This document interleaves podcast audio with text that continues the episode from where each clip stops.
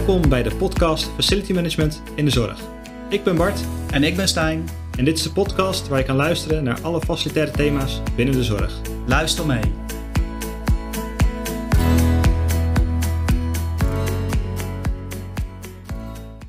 Daar gaan we. ja, welkom allemaal bij een nieuwe podcast. Facility Management in de Zorg. Je hebt ons even moeten missen. Eh, we hebben het enorm druk gehad. Maar eh, Bart is samen met mij weer in de studio. En we hebben weer iemand erbij. Britt Elfring. Ja, Eh, welkom. dankjewel. Bart, eh, jij hebt deze dame uitgenodigd, hè? Ja, ja, ja, ja, ik ken die eigenlijk helemaal niet. Maar eh, ehm, ja, we zijn op LinkedIn gelinkt. En ik zag dat jij eh, ehm, voor je afstuderen bezig bent met strategisch vaststellend plan. Eh, ik dacht, nou, dat is wel een heel leuk thema voor onze podcast een keertje. Dus Ja. eh, nou, contact gezocht en je had tijd. Dus, Ja, eh, zeker. Lijkt me leuk. leuk dat je bent. En je was net klaar volgens mij met je Ja, afstuderen. ik heb eh, twee, eh, drie dagen terug mijn scriptie ingeleverd. Dus ik zit er nog eigenlijk vol in. En eh, nu heel even ontspannen. En dan nog mijn scriptie verdedigen. Het voelt niet als een verdediging voor je ook nu, hoop ik. Nu niet, nu. Een soort van voorbereiding eigenlijk. Oh ja, kijk. Vuur en bescheen. Ja, ja, precies. Een heel Maar je hebt wel twee mooie dagen uitgezocht om eh, te ontspannen. na Ja. de scriptie. Heerlijk Eh, weer. slim Ja. Hey, kun je ons wat vertellen over jezelf? Wie, wie ben jij? Wat doe je? Eh, nou ja, ik zit in mijn laatste jaar van Facility Management opleiding. Ik studeer in Rotterdam. Na school ben ik eigenlijk vooral bezig met sport. Ik eh, doe veel aan de sport CrossFit. Ja, en wat ik zeg nu, lekker ontspannen. Heel eventjes eh, van vakantie genieten. En dan straks mijn scriptie verdedigen. Is dat spannend? Ja, zeker.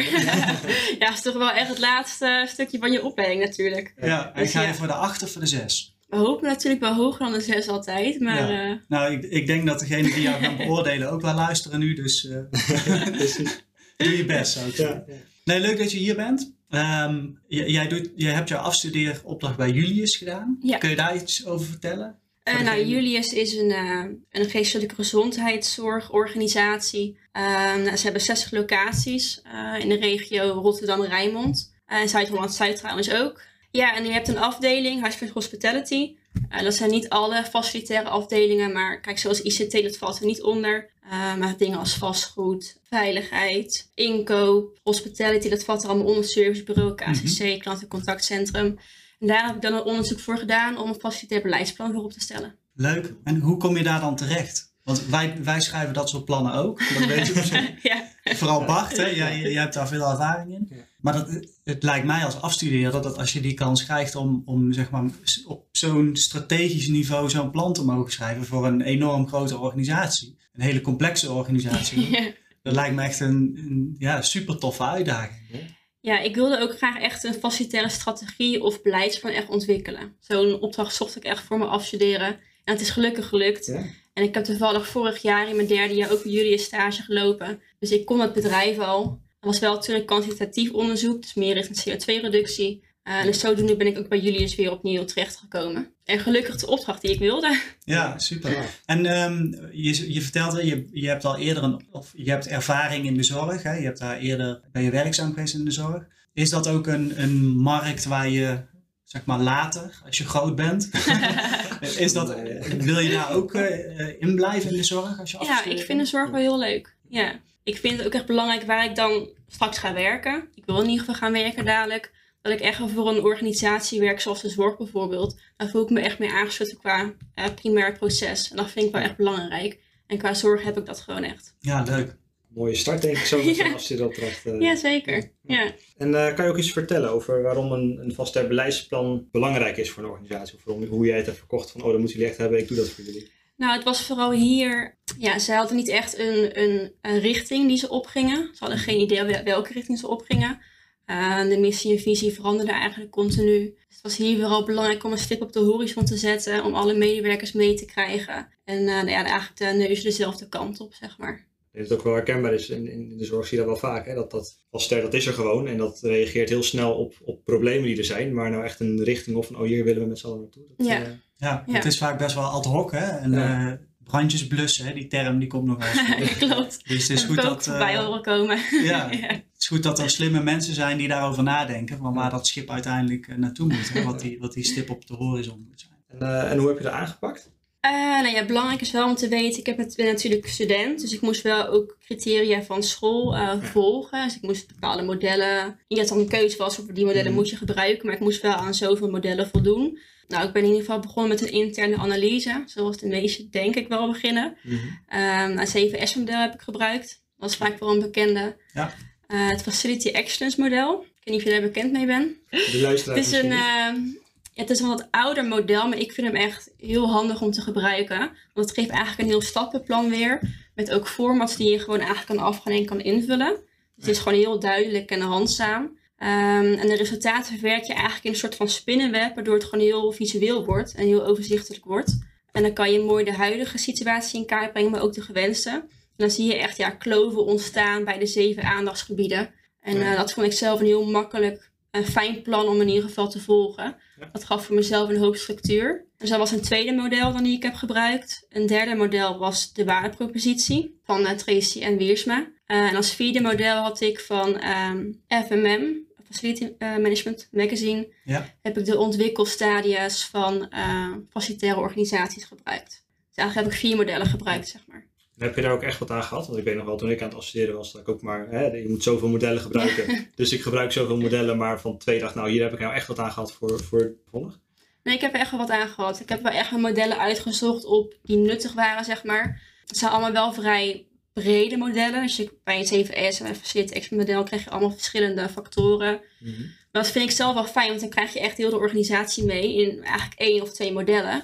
Um, en eigenlijk heb ik die samengenomen in de ontwikkelstadia. Dus dan heb ik mooi kunnen aangeven van in deze stadia zitten ze nu.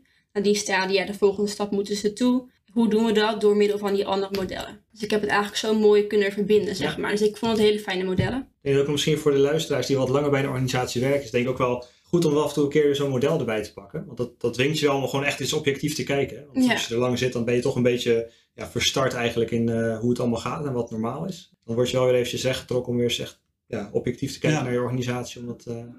Even aan het gebod. Ik vraag me af hoe, hoe jij daar uh, mee bent omgegaan. Want als je in een organisatie komt, hè, dan heb je een frisse blik en dan bekijk je bepaalde dingen op jouw manier. Ja. maar je krijgt natuurlijk ook te maken met medewerkers die daar al jaren, hè, misschien wel 30, 40 jaar werken. die heel erg gewend zijn om iets vanuit ja, bepaald referentiekader te doen. Uh, hoe ga je daar dan mee om? Dus hoe, hoe kun je er dan toch voor zorgen dat iedereen zeg maar, die toekomstbril op kan zetten om ja, te kijken van waar moeten we uiteindelijk uh, naartoe? Ja, er zit natuurlijk meer een stukje richting implementatie, bedoel je denk ik hè? Ja. Het gaat dan meer die kant op. Als ik even een stapje terug ga naar het onderzoek toe. Ik heb gewoon wel echt alle stakeholders, ik heb een stakeholdersanalyse uitgevoerd. En eigenlijk elke belangrijke stakeholder heb ik wel echt geïnterviewd, zodat iedereen betrokken wordt. En dat eigenlijk al de eerste stap is van uh, betrokkenheid en uh, draagvlak creëren mhm. eigenlijk. Dat vond ik zelf heel belangrijk. En ja, straks bij het implementeren, dat is niet wat ik moest doen. Ik heb wel een implementatieplan geschreven. Um, ja, moeten we eigenlijk rekening mee gehouden worden met mensen meekrijgen inderdaad. En eh, daar heb ik ook wel een stappenplan voor geschreven op basis van de acht veranderstappen van Kotter of Kutter. Ik weet niet hoe je het uitspreekt. Mhm. Mhm. dus die heb ik zelf aangehouden. Dat vind ik een heel fijn model daar weer voor. Dus ja, ik, ik had het zo aangepakt. En die interviews, heb je daar uh, vooral gekeken van hoe gaat het nu? Of vooral met die mensen gekeken naar de toekomst? En hoe zou het moeten of hoe zou je het willen? Allebei. Ik ben eerst echt ingegaan op hoe het nu is. Om te kijken van waar liep je er tegenaan. Ook jaren geleden. Want sommige mhm. dingen, daar blijf je tegenaan lopen. Omdat ze gewoon niet aangepakt worden. Um, en daarna ook gekeken naar wat zijn de doelstellingen. Ook per klant of per... Um, ze hebben namelijk onderwijs en kindherenpsychiatrie.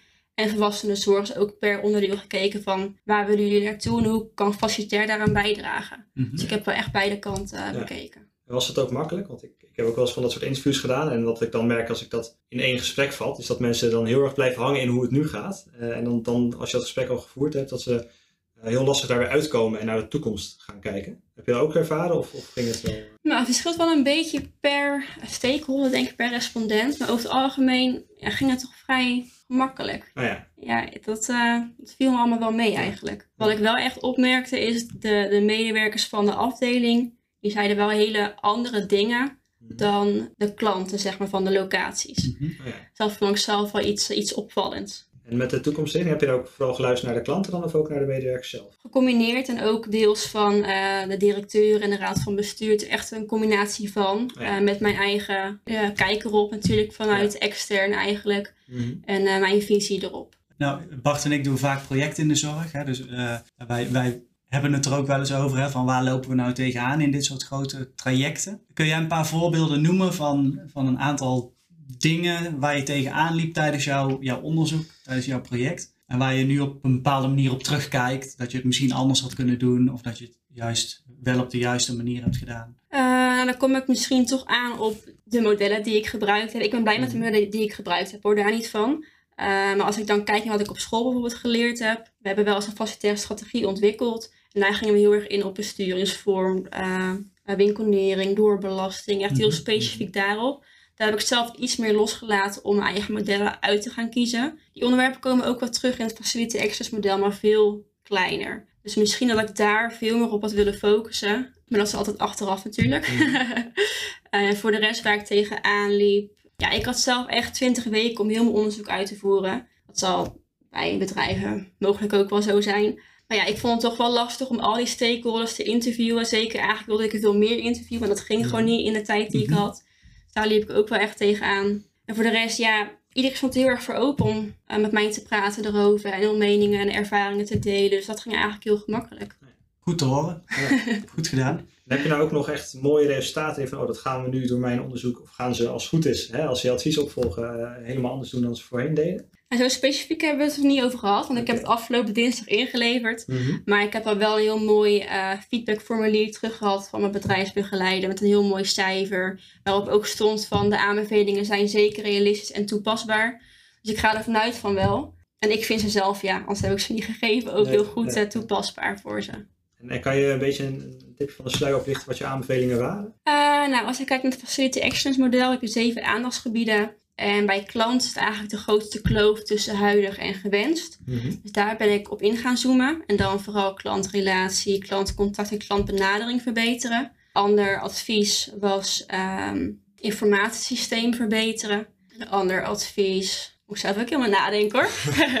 helemaal terug erin graven. En dat, dat informatiesysteem, heeft dat, uh, zijn dat uh, de, de FMIS systemen? Zeg maar, waar... Nou, die hebben ze niet. Oké. Okay. Het zijn wat meer losse systemen, ook is dat iets van informatie. Ja. Um, waardoor een FMIS systeem zou kunnen werken. Maar het is niet dat ik FMIS heb aangeraden hoor. Het is gewoon echt kijken naar wat een primair informatiesysteem kan worden. Ja. Of eventueel ergens modules aankopen om het uh, te centraliseren tot één of minder systemen dan wat we nu hebben. Dat lijkt me een heel goed advies. Ik kan me ook helemaal voorstellen dat er overal Excelletjes zijn die je dan Ja. tegenkomt. hè? Ja. En als je zegt, hè, want je, keek, je hebt ook met uh, het klantperspectief gekeken. ja. Wie was de klant? Uh, echt de teamleiders van de locatie, teamleiders zorg zeg maar. En de schooldirecteuren. Dat zijn Ah, ja. eigenlijk de directe klanten van die afdeling. En heb je met hun dan in de interviews nog gekeken en vond vanuit ook echt meer de, de cliëntbehoeften? Um, ja, maar niet echt op ingezoomd, omdat hun ook zelf aangaven van... Kijk, die cliënt moet gewoon zien dat er iets wordt geregeld. Stel, er is iets kapot, moet het gemaakt worden. Mhm. En zo kort door de bocht is het volgens hun. Um, dus hun zeiden ook van, dat was niet het belangrijkste voor, uh, voor mijn onderzoek. Dat was eigenlijk de, de verre klant, zeg maar. Ja, ja precies. Ja, dus daar hebben we niet op ingezoomd. Ja, ik kan me ook voorstellen in je scope dat het juist... Anders wordt het ook wel heel breed. zijn. Ja, ja, precies. ja. Ehm, heb ik nog vragen? Nou, ik, ik ben wel eh, benieuwd wat nu. Wat, eh, ehm, hoe, hoe gaat nu het verdere traject? Want je, je hebt je scriptie ingeleverd. Hè? Binnenkort eh, dan, dan mag je dat verdedigen. En dan? En dan qua het onderzoek bedoel je? Nou, bijvoorbeeld, of, of wat je dan gaat doen. Of ga, je, ga je Ehm. dit zelf een vervolg geven? Of ga, wil je dat, Dat, proberen? dat weten we nog niet. Ah, Toevallig ga ik volgende week met de manager van de afdeling, mijn opdrachtgever, praten over eh, ook het presenteren van het, van het onderzoek overigens, maar ook over wat eh, hierna komt voor me. Dus dat is nog even, even afwachten. Ja, spannend. Maar ik ga in ieder geval het werkveld in. Ik eh, vind studeren hartstikke leuk. Ik vind studeren echt geen straf. Maar ik wil ook wel graag mezelf gaan ontwikkelen in het vakgebied. Dus ik ga sowieso werken. Ik kan altijd daarna nog weer erbij studeren. Precies, ja. Wat ik me nog wel afvroeg, daar zijn we een beetje aan voorbij gegaan. Uh, als wij zelf zo'n project doen, dan, dan uh, werken we ook vaak vanuit een vastere visie. Uh, vaak moeten die er nog opstellen, want die, ja, die is eigenlijk vaak ook gewoon niet. heb jij dat ook gedaan in jouw project? Ja, maar wel eigenlijk na het onderzoek. Dus ik heb uh, onderzoek gedaan, conclusie kwam eruit rollen, zeg maar aanbevelingen, ging ik mee aan de slag. Toen heb ik zelf een visie geschreven voor de afdeling. Uh, waarom pas zo laat is eigenlijk omdat ik gewoon eerst ja, inzicht wilde krijgen in de afdeling. Ik heb ook overwogen om iets van een focusgroep op te stellen, om met andere medewerkers zo'n visie op te stellen. Het was nu allemaal wel wat lastig qua corona natuurlijk. en uh, dus ik heb ervoor gekozen om dat niet te doen, geen focusgroep. En de reden waarom ik het ook pas zo laat heb gedaan is de afdeling heeft wel nu een missie. De visie verandert eigenlijk continu bij hun. Uh, dus sommige medewerkers zeiden ook van de afdeling van ja, eigenlijk worden we ook wel een beetje missie en visie moe. Toen dacht ik van, mm, dan kom ik daar met een nieuwe visie weer aan.